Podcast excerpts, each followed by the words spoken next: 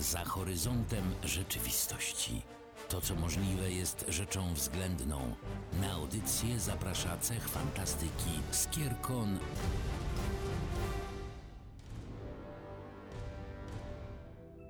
Wybiła godzina 15 w niedzielę, w związku z tym witam Was serdecznie na kolejnym odcinku portalu Tuwinga.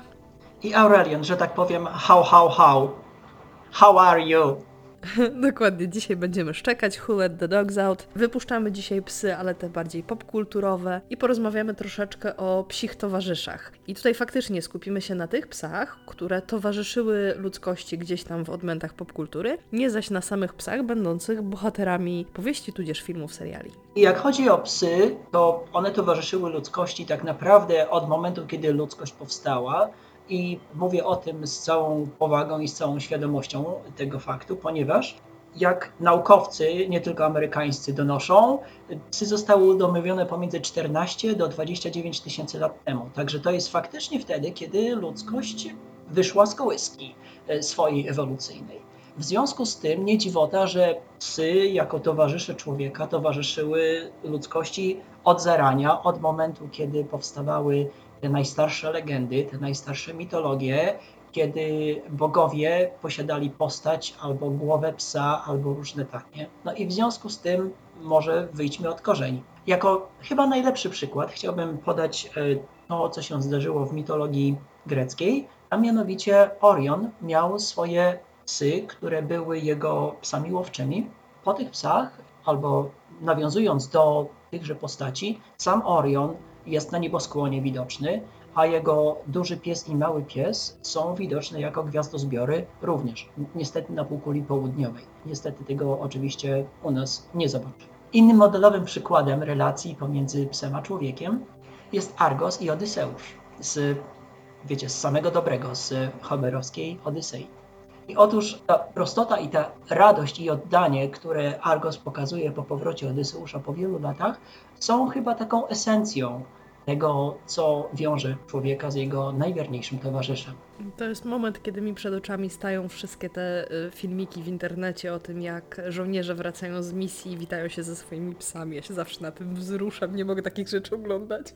Te przykłady mitologiczne, te przykłady, które sięgamy, po które sięgamy do najstarszych źródeł, one się ciągną tak naprawdę i powodują, że jakoś tak nawiązujemy do tego bardzo często, również w obecnych czasach. Nawiązujemy również do tego oczywiście w literaturze i żeby nie odbiegać tak za bardzo od y, mitologii, o której wspominałeś, to w tych klimatach nadal pozostajemy, przy czym bardziej sięgamy po mitologię. Początkowo w pierwszym tomie głównie irlandzką, później już y, wiele innych. Oczywiście mówię o kronikach żelaznego druida Kevina Herna, gdzie pojawia się druid Atticus O'Sullivan i jego wierny towarzysz Oberon, który jest irlandzkim wilczarzem, czyli pięknym, wielkim psem. Oczywiście tutaj w ogóle nie jest podobny do mojego ukochanego psa, nic a nic wcale, a wcale. W każdym razie tak, Atticus e, adoptował Oberona ze schroniska. E, Oberon siedział sobie biedny właśnie w schronisku i nikt go nie chciał adoptować i miał bardzo duże problemy z przystosowaniem się do funkcjonowania. Atticus się na nim troszeczkę zlitował i po prostu włożył bardzo dużo pracy i energii, żeby Oberon stał się jego wiernym przyjacielem. Swoją drogą porozumiewają się telepatycznie. Oberon całkiem nieźle daje sobie radę z językiem angielskim, przynajmniej jeżeli chodzi o e, rozmawianie w myślach. E, oczywiście nie łapie pewnych niuansów, e, przykładowo cały czas myśli, że Sir Francis Bacon jest faktycznie twórcą Baconu, natomiast bierze udział z Atticusem w jego przygodach, ra razem polują, razem udają się na różne wycieczki. W momencie, kiedy Atticus jest w pracy, Oberon zostaje w domu, pilnuje posiadłości, a przy okazji ogląda dużo telewizji. Jego ulubionym programem jest program Opry, e, ale oczywiście ogląda również programy historyczne. No cóż, taki przyjaciel to po prostu jest przyjaciel, który powinien być z tobą całe życie. Y, jak wiemy, psy nie żyją tyle co ludzie, ale Oberon, owszem, ponieważ Atticus e, karmi go Immortality, czyli herbatką nieśmiertelności, którą również sam pije, dzięki czemu Oberon e, ma już 15 lat, podczas kiedy wilczarze irlandzkie dożywają około 6-7. E, także tutaj tego mu zazdroszczę, bo ja się boję chwili, kiedy mój piesek już będzie stary. Ale co jeszcze ciekawe, jak chodzi o Oberona, to słuchajcie, Oberon ma swoje własne konto na Twitterze. I na Twitterze wymieniają się wiadomościami i update'ami z Archidruidem, który jest inną postacią z tejże samej sagi.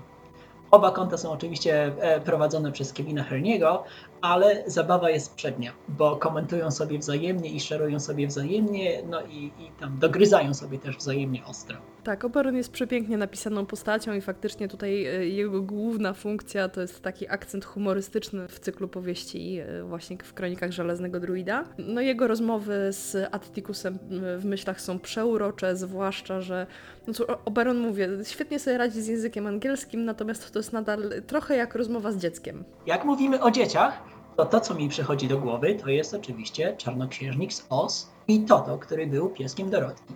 To jest książka, która jest tak naprawdę klasykiem fantastyki i zakładam, że kiedyś się w takim charakterze pojawi w portalu, bo sama książka została wydana w roku 1900. W tejże książce Toto został celowo opisany tak trochę enigmatycznie. Chodzi o to, że Frank Baum nie chciał jakby za dużo szczegółów podawać, bo umówmy się, to jest postać taka epizodyczna w tejże książce. Natomiast Toto jest o tyle postacią ważną, że ucieczka Toto spowodowało, że Dorotka zaczęła go gonić, no i wtedy oboje porwał e, ten e, trąba powietrzna i przyniosła ich z Kansas do Oz i to nie jest spoiler, bo zakładam, że jesteśmy wszyscy świadomi fabuły tegoż dzieła. Co więcej, słuchajcie, okazuje się, że w Oz wszystkie zwierzęta mówią, ale Toto nie mówi w Oz. Okazało się dopiero w kolejnych odsłonach, w kolejnych nawiązaniach i w kolejnych tych kontynuacjach tego głównego dzieła, że owszem, Toto potrafi mówić, tylko po prostu nie chce wtedy, kiedy się on znajduje w Oz. I to był jego wybór, dlatego że ponieważ. Co jeszcze ciekawe, jak chodzi o Toto, no to jest znowu taki przykład tej takiej silnej więzi między człowiekiem i, i, i pieskiem. Do tego stopnia jest to ważna postać, że w roku 2020 Michael Morpurgo wydał książkę, którą zatytułował Toto The Wizard of Oz as Told by the Dog. Także można się spodziewać, że będzie dużo kontynuacji i nawiązań także, że, także jak chodzi o Toto.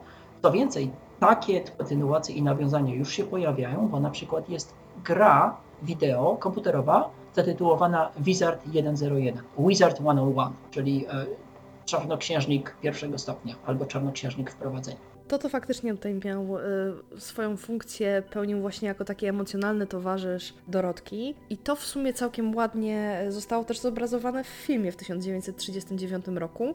To to tam był malutki, uroczy i w ogóle śliczny. Natomiast to jest motyw, który później w filmach był wykorzystywany wielokrotnie. W filmie Jestem legendą, w którym główną rolę gra Will Smith towarzyszy mu Samantha, Sam, owczarek niemiecki. E, I tutaj faktycznie, tak jak Oberon był ewidentnie akcentem humorystycznym, tak Sam jest postacią głównie wycelowaną w tę warstwę emocjonalną filmu.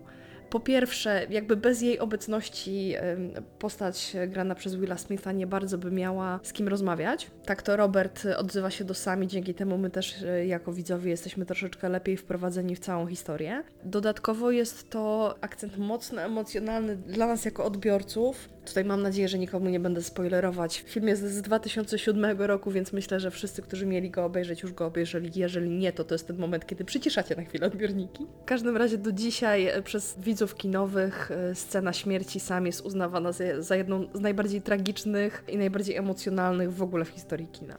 W każdym razie tak, Sam jest tutaj postacią, poza tym, że jest e, psem bardzo lojalnym, bardzo opiekuńczym względem Roberta, cały czas staje w jego obronie i faktycznie tutaj bez niej no, miałby troszeczkę problem z przetrwaniem w świecie, w którym się znalazł, to przy okazji jest po prostu takim prawdziwym psim przyjacielem. Jak mówimy o psich przyjaciołach, no to nie sposób nie wspomnieć o Dagu, czyli psie z popularnego pixarowskiego Up, czyli Odlot. Ten pies jest o tyle charakterystyczny, że oprócz tego, że jest cały słodziarski i ja bym sobie dał, wiecie, nawet paznokcie obciąć wszelakie za to, żeby móc sobie z nim połazić i pogadać. Owszem, pogadać, dlatego że pies Doug posiada mówiącą obrożę. Jeden z jego poprzednich właścicieli zaserwował mu takie cacko, no i dzięki temu może oczywiście się porozumiewać e, zarówno z Karlem Fredriksenem, którego idealizuje, ale owszem, również bawią się z Kevinem, bawią się oczywiście z Russellem. No i co jest jeszcze ciekawe, to to, że Doug jest postacią na tyle charyzmatyczną, jest postacią na tyle zabawną i przyjacielską, że Pixar oczywiście będzie monetyzować. No i rozwijają Daga, pojawia się w Doug's Special Mission i będzie oczywiście również głównym bohaterem w najnowszej serii Disney Plus, która się pojawi już niedługo, zatytułowanej Doug's Days i tam będzie tą tytułową postacią. A pojawił się również w George and AJ jako jeden z takich pomniejszych bohaterów. Pomysł na zrobienie psa głównym bohaterem serii filmów animowanych to nie jest żadna nowość, bo Gdzie jesteś, Scooby-Doo? co nowego u Scoobiego? Nowego nie za wiele, natomiast e, sama postać, e, jak i animacja z nią związana swoje lata już ma. Scooby-Doo jest dogiem niemieckim, który towarzyszy swoim przyjaciołom w rozwiązywaniu zagadek kryminalnych i łapaniu e, ludzi, którzy podszywają się pod potwory i straszą w bardzo, bardzo, bardzo wielu miejscach. Jest strasznym tchórzem. Namówienie go do zrobienia czegokolwiek wymaga koniecznie zainwestowania w Scooby chrupki. Natomiast tutaj faktycznie trochę jaki pan, taki pies, bo nie można nie zauważyć, że Scooby i Kudłaty, czyli Shaggy, e, jego pan, najbliższy przyjaciel, jego towarzysz, e, mają bardzo dużo wspólnych cech charakteru. I wyglądu. Trochę też. To jest w sumie trochę przerażające pytanie, czy się pies upodabnia do pana, czy pan do psa. Historia przyjaźni Skubiego i Szagiego e, sięga czasów ich szczenięcych młodzieńczych, kiedy się na siebie napatoczyli i od tamtej pory są praktycznie nierozłączni. E, Więc tutaj też w ogóle mamy do czynienia z cudowną e, kwestią tego, że Skubi bardzo, bardzo, bardzo długo żyje i całe szczęście. Skubi całkiem nieźle mówi po angielsku, tudzież po polsku, zależy w jakiej wersji oglądamy animację, więc jest w ogóle psem niezwykłym i fantastycznym. Dodatkowo poza nim wiele innych psów pojawia się również w całej animacji. Najbardziej chyba rozpoznawalny jest Scrappy, którym się Scooby w którymś momencie zaczyna bardzo mocno opiekować. Nie będziemy mówić o innych psach, które są postaciami charakterystycznymi, takimi jak Pluto albo Daffy, bo zakładamy, że to są na tyle kanoniczne postacie, że wszyscy je znają. Generalnie jest w ten sposób, że jakby sięgnąć po e, psy występujące gdzieś tam w fantastyce, popkulturze, czy to w książce, czy w filmie, czy w animacjach, czy nawet w grach komputerowych, jak nie wiem, Dogmeat w Falloutie, tego jest mnóstwo, tego jest bardzo dużo i w zasadzie to jest ten moment, że e, moglibyśmy usiąść i wymieniać i pewnie byśmy tutaj siedzieli do środy i to nie, nie jestem pewna, której środy. W każdym razie wy nam możecie powiedzieć, jakie wy psy w popkulturze lubicie najbardziej. Czekamy na wasze komentarze pod tym nagraniem. Ewentualnie możecie podzielić się z nami, jakie są wasze psy, jak się nazywają i jakie są rasy. Tak, to ja pierwsza będę się przedstawiała za moim kochanym Artasem, to możecie być pewni, że jego zdjęcie będzie się pojawiało wszędzie. Do usłyszenia, słyszymy się w kolejnym portalu już za tydzień. A słuchajcie nas na YouTubie i na Spotify'u. Pozdrawiam, Winga. Aurelion, cześć.